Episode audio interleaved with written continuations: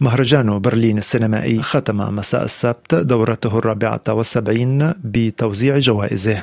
وكان افتتاح الدورة في الخامس عشر من الشهر الجاري بفيلم Small Things Like These للبلجيكي تيم ميلانس ويحكي عن تسلط الكنيسة الكاثوليكية في قرية بإيرلندا في ثمانينيات القرن الماضي.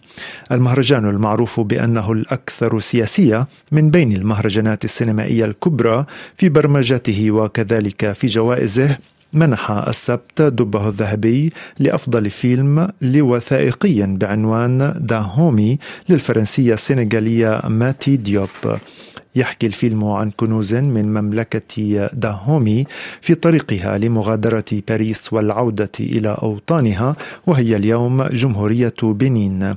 وكانت الآثار قد نهبتها القوى الاستعمارية الفرنسية في القرن التاسع عشر. ومن خلال مكافأة فيلم يتطرق بشكل مباشر إلى حقبة ما بعد الاستعمار حافظت لجنة التحكيم برئاسة الممثلة المكسيكية الكينية لوبيتا نيونغو وهي أول شخص أسود يتولى هذه المسؤولية حافظت على نهج المهرجان المعروف باهتمامه بالقضايا السياسية.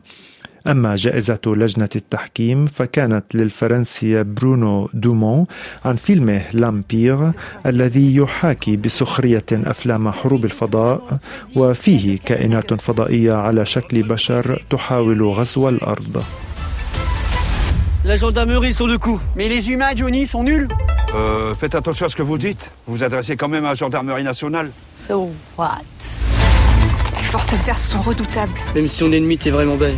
Tu veux que je te la dégage Utilisons la force, on a la sagesse.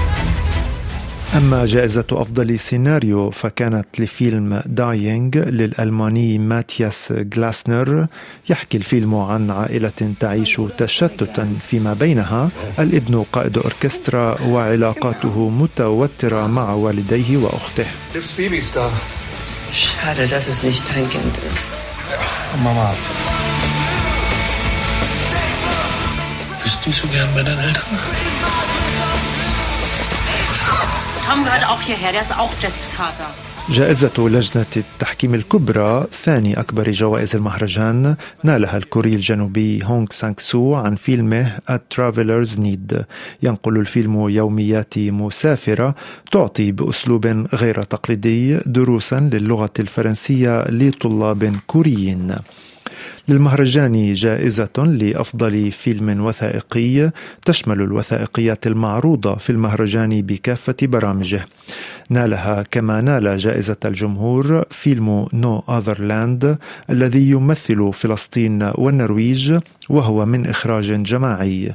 يحكي الفيلم عن بلدة مسافر يطا قرب الخليل في الضفة الغربية يتعرض الفلسطينيون فيها منذ سنوات لمحاولات التهجير القسري من قبل الجنود الإسرائيليين كما يتعرض الأهالي لمضايقات المستوطنين هناك.